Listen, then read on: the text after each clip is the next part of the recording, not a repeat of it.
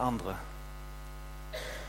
Jesus blir ikke altså fullt ut herliggjort hvis bare du sitter for deg sjøl på et loft og sier 'Å, det var godt med Jesus'.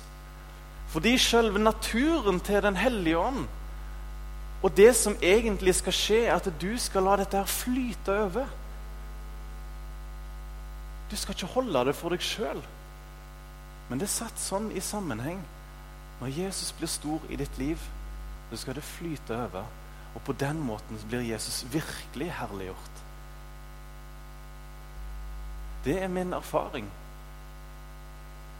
Når jeg prøvde i mitt liv å holde Jesus for meg sjøl, og jeg, jeg, tror jeg prøvde på det i tre år, og tenkte at hvis jeg begynner å snakke om Jesus med mine venner, og sånn, så blir det bare tull ut av det.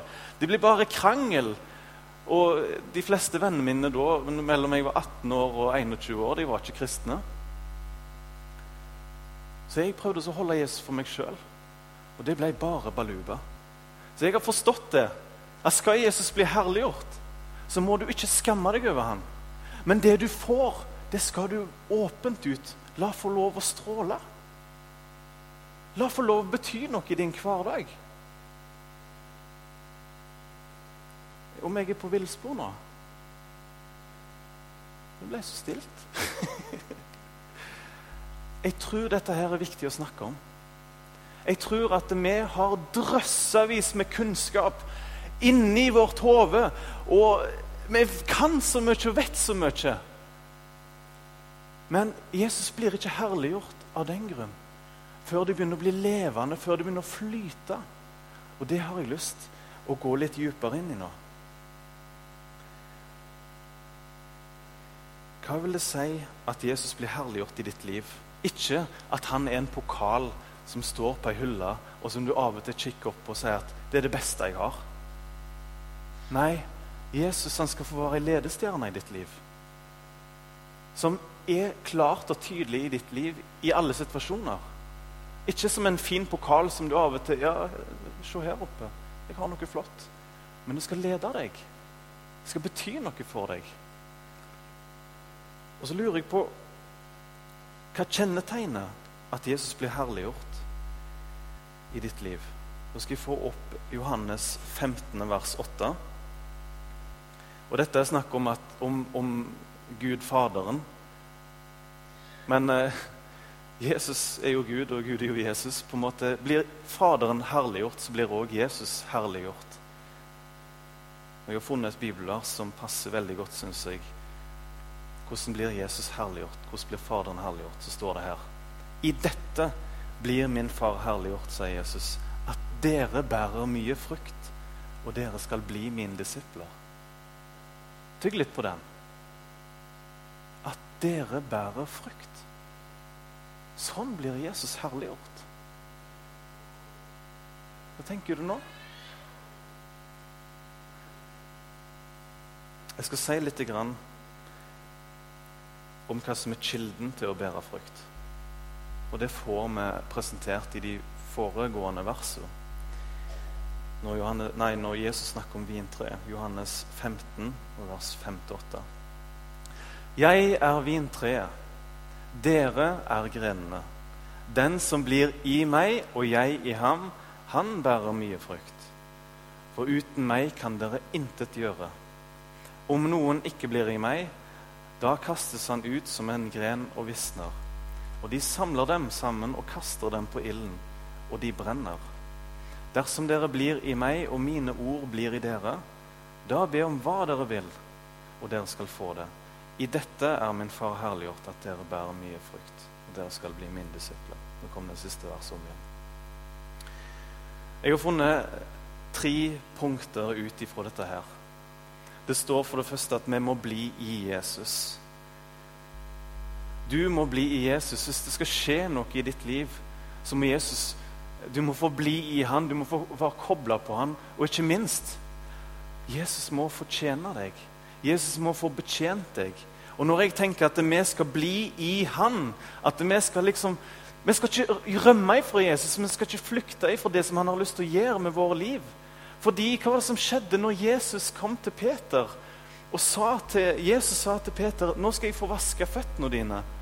Det var en helt sjokkerende handling som Jesus gjorde, å senke seg ned som tjeneren for disiplene. Og Peter han svarte til Jesus nei, nei, nei, nei. Du skal aldri i evighet du skal aldri få vaske mine føtter. Du vasker meg. Det skulle jo vært omvendt. Og så sier Jesus at hvis ikke jeg får vaske deg, Peter, så har du ingen del i meg.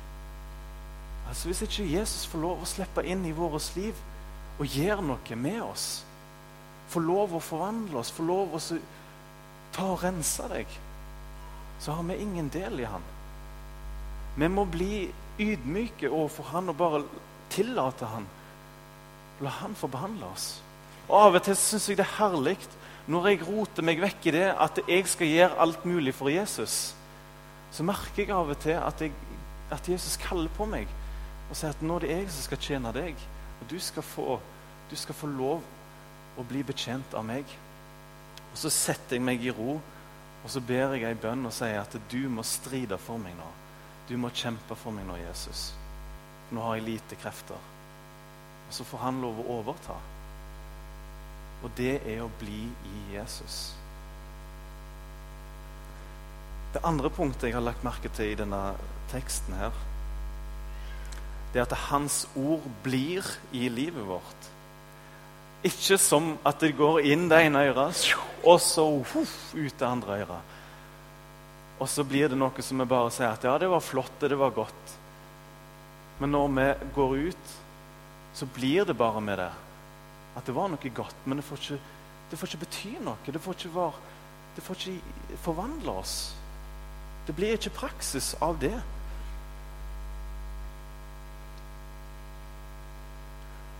Guds ord må få lov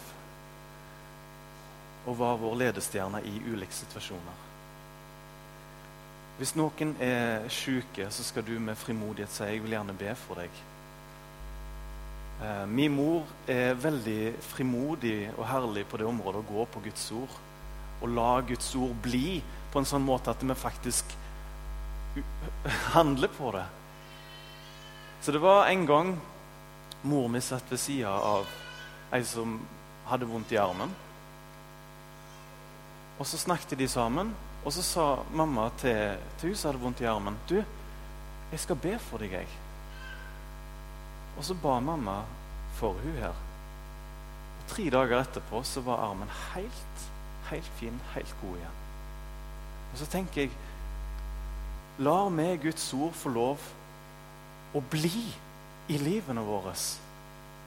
Eller forhåndsdømmer situasjonen at 'nei, dette her går nok ikke'. Dette går ikke så bra. Og så stoler vi ikke på Gud og Hans ord. Og Nå brukte jeg bare ett eksempel på dette å be for hverandre. Men Guds ord er så mangfoldig. Det er for enhver situasjon. Hva med det å oppmuntre hverandre, f.eks.? Hva med det å skryte av hverandre, f.eks.? Hva med det å ta Guds ord inn i hverdagen på et sånt nivå? Da begynner det å skje noe. Men vi er så passive. Vi har så mye mer å gå på. Vi har så mye mer å erfare med Jesus. Og nummer tre, hva det jeg fant i denne teksten her, det handler om noe med bønn. At vi har tillit til Han i bønn. Eh, jeg har et flott bibelvers, det står ikke på, på, her, men jeg skal lese om det å stole på Jesus, om det å ha tillit til Han.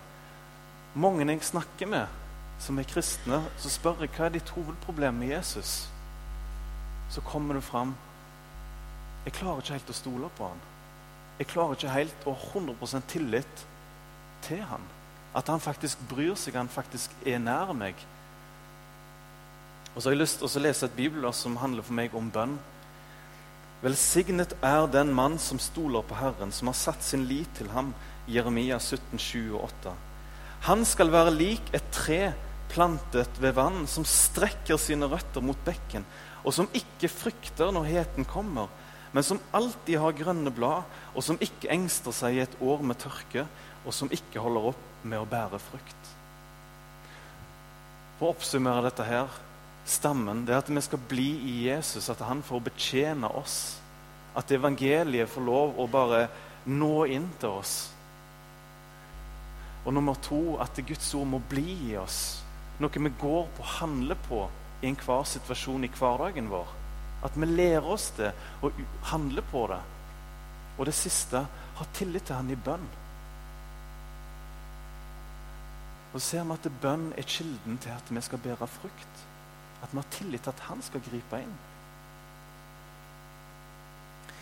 Jeg vet det, Nå skal jeg snakke bitte litt om konkrete frukter som jeg har funnet i Bibelen. Konkret, Hva kan dette her være for noe i praksis? Og jeg vet veldig godt at kilden til liv det er ikke å snakke om fruktene. Men vi skal av og til snakke om fruktene, for Jesus har sagt på fruktene skal treet kjennes. Jeg vet at det er kilden til et liv i å snakke om stammen. Men av og til må vi våge å være veldig konkrete og gå litt mer i detaljene og se ja, stemmer dette her i mitt liv. Får dette her lov å vokse fram? Jeg vet at det kilden til liv er Jesus og hans nåde. Men av og til så må vi våge å ransake oss sjøl og se Lever Jesus i meg? Får han den plassen han skal ha? Blir det en forvandling i mitt liv? Er det frukter? Og Hvis ikke, så må vi på kne og be til Jesus om at han må virkelig få den plassen han skal ha. Og ikke bare som en pokal som vi sier at han har den plassen. Ok, Hva konkret kan disse her tingene være? Jeg vil forresten si en siste ting om vintreet. Som ikke står, men det står inne i teksten. Bare vent litt. Vintreet, hvis du ser bilder av det, google et vintre og se hvordan det fungerer. Og Jeg skulle egentlig vise et bilde, men det bildet funka ikke, så Oddvar sa at det bare tar så lat som du er et vintre, så kan folk skjønne hvordan det er. Men greinene går sånn og sånn og sånn og sånn. Og så går de bortover sånn, så blir de ofte holdt oppe. Hvis de er et drivhus, eller sånn, så blir de holdt oppe. Og så legger jeg merke til at alle må bli holdt oppe av hverandre. Ingen greiner kan bære frukt uten at de blir holdt oppe. For ellers så går greina opp. Akkurat som ei fiskestang som fikk en 50 kilos fisk på kroken. Så går det rett til bakken, og du får Nei, det går, det går ikke, dette her. Men du må ha noe som holder deg oppe.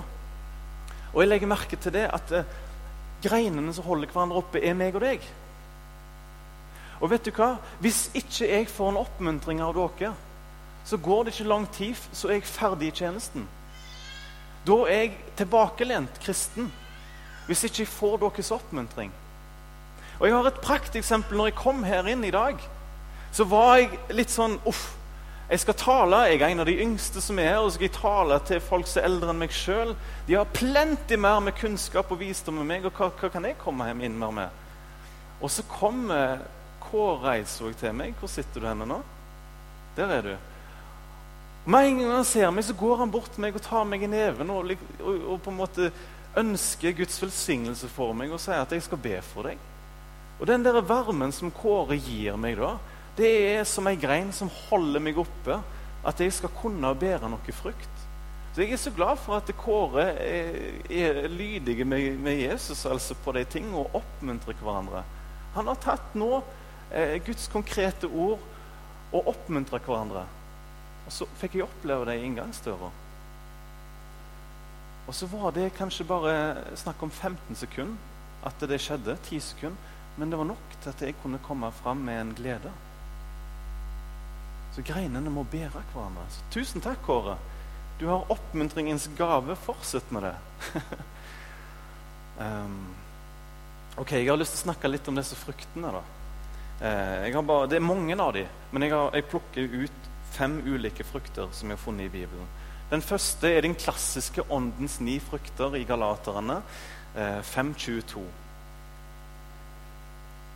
Så hvis Jesus blir stor i deg, han blir herliggjort i deg, så skal disse tingene her spire fram av seg sjøl.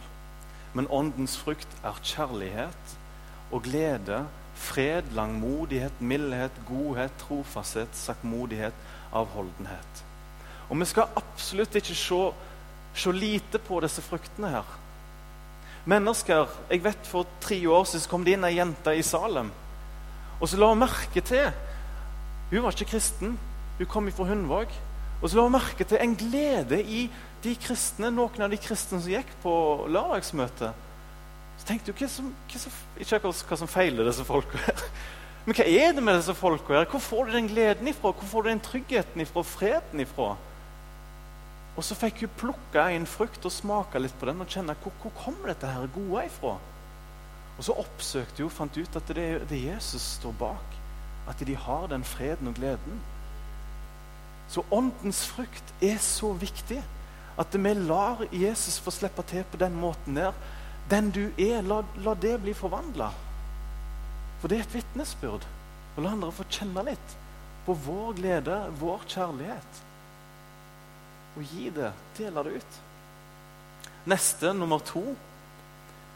En frukt av at Jesus blir herliggjort i ditt liv, er at det er giverglede at Jesus får omvendt pengeboka òg, faktisk. Det er et kjennetegn. Skal vi se Filipperne 4,17. Og så sier Paulus dette her til filipperne. Og de har gitt en enorm pengegave. Og så sier han dette her til dem etter de har gitt gaven. Legg merke til, Han, han sier ikke dette før. Han sier ikke dette på forhånd. Hvis dere har gode frukter, så skal dere gi masse penger. Han holder det tilbake igjen, og så avslører han det etterpå. Når han tok imot kollekten, så var han ikke ute sånn som det står. Ikke så at jeg trakter etter gaven, men det jeg trakter etter, er frukten av dem som rikelig skal komme dere til gode. Altså, Paulus så Er de villige til å gi noe? Er de villige til å ofre noe? For det at en er villig til å ofre noe, og spesielt pengene, som på en måte betyr så mye for oss, det viser litt grann hvor høyt Jesus er i livet. Og så avslører Paulus dette på. Nå har jeg fått sett litt i praksis hvor mye Jesus egentlig betyr noe. Nå er det ikke meningen for meg å ha en prøve å ha en kollekttale. i det hele tatt. Men her viser det litt konkret. Sånn kan det være ei frukt. Jeg syns det var stilig i alle fall at Paulus avslører det først etterpå. Jeg tok en test på dere nå. Ok, Nummer tre, som jeg har lagt merke til. Gode gjerninger og at dere hjelper hverandre, er ei frukt av at Jesus blir herliggjort. Sånn som det står, Og våre egne folk må lære å gjøre gode gjerninger der det er behov for det, så de, så de ikke skal være uten frukt. Og nummer fire helliggjørelse. Vi kan få opp Romerne 6, 22.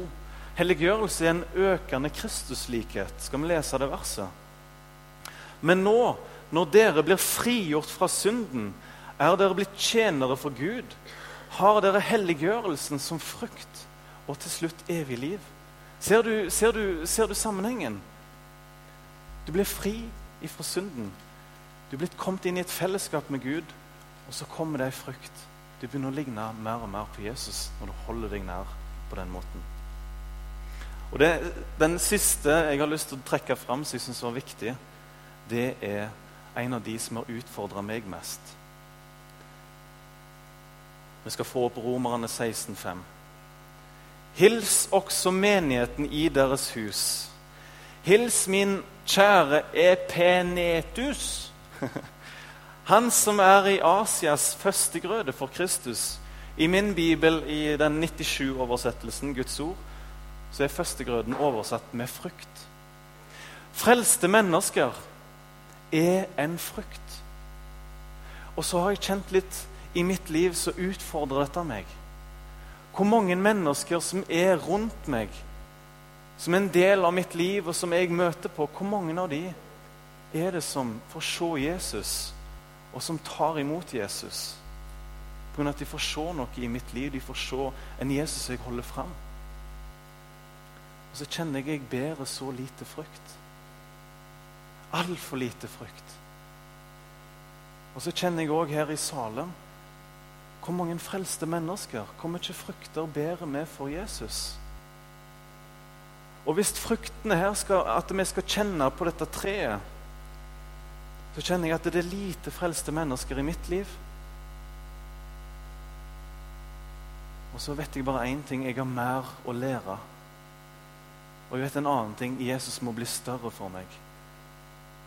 Fordi jeg bærer så latterlig lite frukt med frelste mennesker rundt meg. Jeg må virkelig be til Jesus om at det skal skje noe drastisk i mitt liv. For sånn som det kan jeg ikke ha det. Noe må skje, for det skal komme ei frukt ifra mitt liv. Jeg skal vitne for Jesus. Jeg skal be for mennesker. Og etter hvert skal fruktene være at mennesker blir frelst. Og Det skjer så sjelden i mitt liv. Og jeg har mange bønner jeg må ta med Jesus. Han må ransake meg. Og Jeg er en, den første til å innrømme at dette her er skralt hos meg. Jeg har en vei å gå med Jesus på dette. Dette er den frukta som traff meg mest, som ransakte meg mest av disse. Og så Da tenker jeg videre Hva er det som kan hindre frukter i vårt liv? Hva kan stoppe frukter i vårt liv på alle områder? Jeg har lyst til å trekke fram fire forskjellige. Den første er passivitet. Den første hinderet for at vi skal bære frukt, er passivitet. Jeg skal få opp forkynneren, eller predikeren om du vil, 11, 4-5. Den som stadig akter på vinden, kommer ikke til å så. Og den som stadig ser på skyene, kommer ikke til å høste. Like lite som du vet hva vei vinden farer, eller hvordan benene blir dannet i mors liv, like lite vet du hva Gud vil gjøre, han som gjør det alt sammen.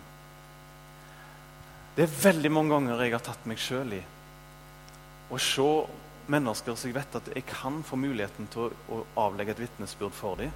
Og så forhåndsstemmer jeg situasjonen, så tenker jeg vet hva, de, de, vet sikkert så lite om Jesus at hvis jeg først prøver å si noe, så lurer de på De vet ikke om knapt om det er kristendom eller om det er, om, eller om det er Jovas vitner. på en måte. Så da gir jeg opp på forhånd. Det er så mange ganger jeg har hatt muligheten, og så har jeg på en måte analysert Nja, njo, nei. Og så har det blitt med det. Jeg er så lei av det at jeg kan være sånn. Er det mulig? For hvem er jeg til å vite utfallet av at jeg avlegger et vitnesbyrd for noen og sår ut noe? Jeg har ikke peiling på utfallet. Men derfor så oppmuntrer Guds ord oss til å så ut. Slutt å analysere. Slutt å vurdere.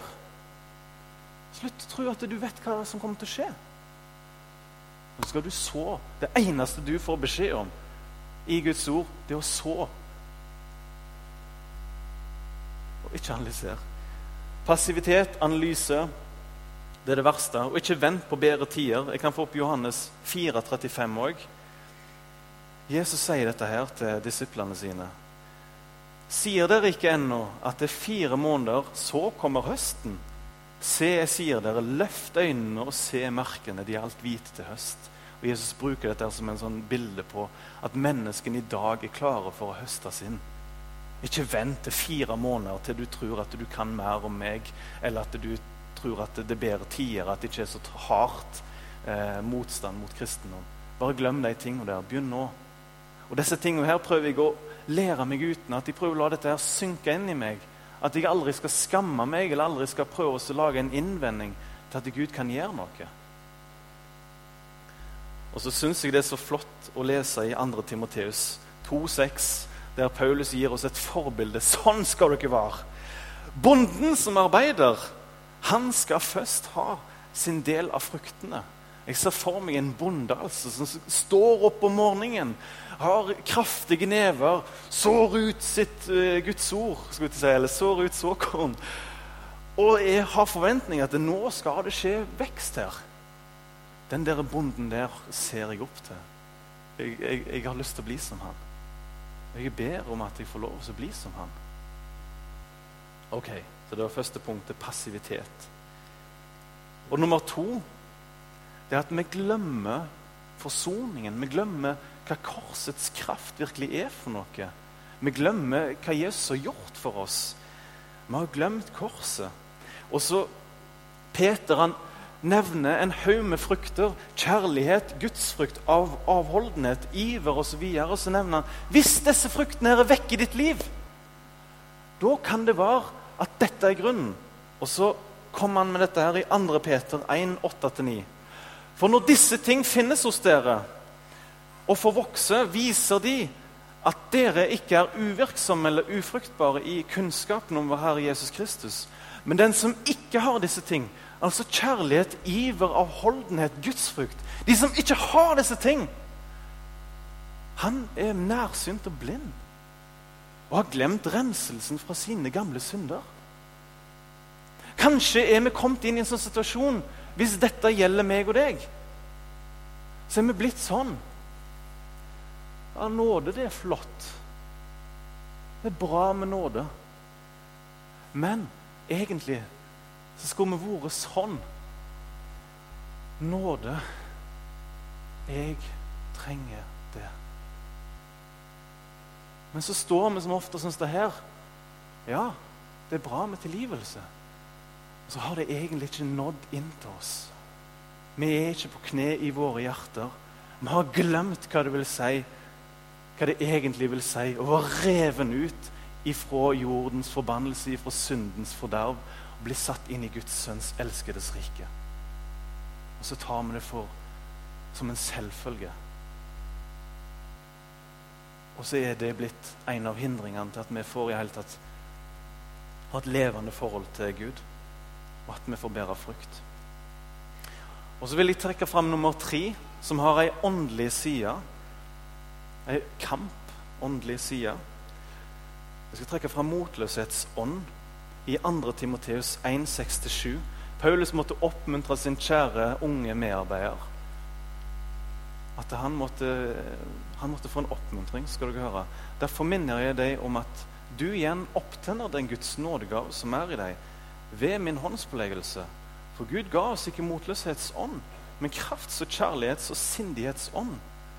Ok, et eller annet løgn var blitt lagt inn i Timoteus. En eller annen løgn om at han ikke kunne bety noe. At han var for ung, han var for uerfaring. Et eller annet hadde blitt lagt inn i Timoteus som gjorde at han ble baktunge. Han mista frimodigheten. Han slutta å bruke sin nådegave, han slutta å være i tjeneste. Og så ser vi at Paulus poengterer at den motløshetsånd Eller om jeg kan si av og til så er det blitt så sterkt for meg, dette her bibelverset, og jeg har forstått hva krefter som er i sving. Så jeg leser av og til Gud har ikke gitt en motløshetsdemon. For sånn har det vært for meg av og til. Når ting er skikkelig svart, og jeg tror at nei, jeg kan ikke bety noen ting, så må jeg gå til Guds ord og forstå at dette her kan ha en åndelig betydning. Djevelen ute etter å legge inn en løgn inn i meg og si at du kan ikke bety noen ting. Ta Sett deg ned. Slutt. Hva gagner det? Og så har jeg forstått her at det er en åndeverden. Og hvis vi gir etter for den løgnen, så blir vi baktunge og ber ikke frukt. Og så må Paulus komme og oppmuntre. Vet du hva? Dette er ikke Guds plan for deg. Gud er for deg, og han har gitt deg noe helt annet som han har lyst til at du skal få mer del i. Kraft og kjærlighet og sindighet. Ok, Den siste tingen som jeg har lagt merke til, som kan kvele oss ifra å bære frukt, det står i Lukas 8, 15. Og Det handler om Guds såkorn, om det forgjer noe i vår liv. Om det handler i en god jord, havner i en god jord, eller som det står her um, Nei, du må ha det forrige verset. Jeg tok feil. Da leser jeg det. Eh, men det handler i alle fall om at bekymringer, rikdommer og livets lyster de kveler ordet, og det blir ikke frykt. Vi bekymrer oss ofte. Vi har mye rikdom å forvalte og lurer på hvordan kan vi få mer. Og vi har veldig mye kjekt som vi kan trivielt som vi kan bruke tid på. Som ikke er syndig i det hele tatt. Men når det kommer i store mengder, trivielle ting, så tar det vekk fokus. At jeg og du er her på jord for én ting. Og nå snakker jeg ikke om på en måte jeg prøver ikke å si noe ting fra eller til annet enn at Vær bevisst hvordan du bruker tida di. Det er det eneste jeg prøver å si med dette her. Bekymringer, livets lyster, rikdom. Hvordan prioriterer vi tida vår? Passer vi på at Jesus får den beste tida? Så skal du få lov å reise til Tusenfryd eller hvor enn du vil være. Bare du passer på at Jesus alltid, at du har snakket med Jesus om det, at han har fått styrt timeplanen din og fått satt hva du skal få gjøre. Og veldig mange kjører på hele livet sitt uten å spørre. Hva ville du egentlig? Hva, med, hva hadde du lyst til at jeg skulle gjøre denne sommeren, Jesus?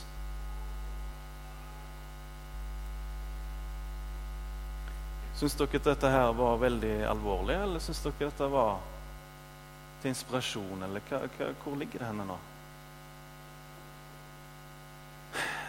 Er dere klar over det at disse tingene jeg har snakket om nå, rent bibelsk Hvis dette her blir grepet, så kommer det til å skje noe i ditt liv. Dette er ikke noe jeg har funnet på. Dette er noe jeg har funnet i Guds ord. Og så kan dere kanskje henger dere opp i feil ting. Kanskje jeg har oppført meg på en eller annen måte som gjør at du henger deg mer opp i meg enn en, en budskapet. Kanskje var det noe du hørte som du var teologisk uenig om, og setter deg totalt på bakbein og tenker at Nei, vet du hva? Eller kanskje var det noe her i dette budskapet som gjør at du tenker jeg må søke Jesus. Jeg har mer å lære. Jeg trenger mer åndskraft i mitt liv. Jeg trenger at Jesus får lov å drive fram mer frukter i mitt liv. Bare glem meg. Og så kan du få et budskap ifra Jesus som sier, som sier dette her. Jeg skal avslutte med et bibelvers. Og det er Jesus som sier det til deg, ikke meg. Johannes 15, 16. Jeg syns det er fantastisk å se. Dere har ikke utvalgt meg, sier Jesus, men jeg har utvalgt dere og bestemt dere til å gå ut og bære frukt og deres frukt skal vare, for at Faderen skal gi dere alt dere ber ham om i mitt navn. Tenk at Jesus er for at du skal gå ut og bære frukt. Tenk at Jesus er for at det skal skje noe i ditt liv. Hvor fantastisk er det ikke at det er Jesus faktisk som sier til Anne Meling Jeg vil at du skal gå, og det skal skje ting med deg når du slipper meg til. Tenk at det er Jesus som går og, plukker én og én av dere. Jeg har valgt ut deg. Jeg har valgt ut deg. Jeg har valgt ut deg. Og vet du hva? Jeg vil at det skal skje noe med deg. Jeg vil at det skal bære frukt i ditt liv.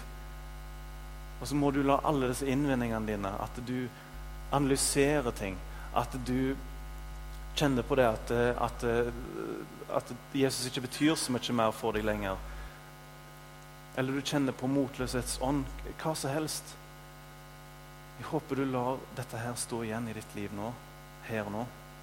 At Jesus er for at jeg og du skal bære frukt. Og Så vil jeg at dere skal ta med hele budskapet i talen.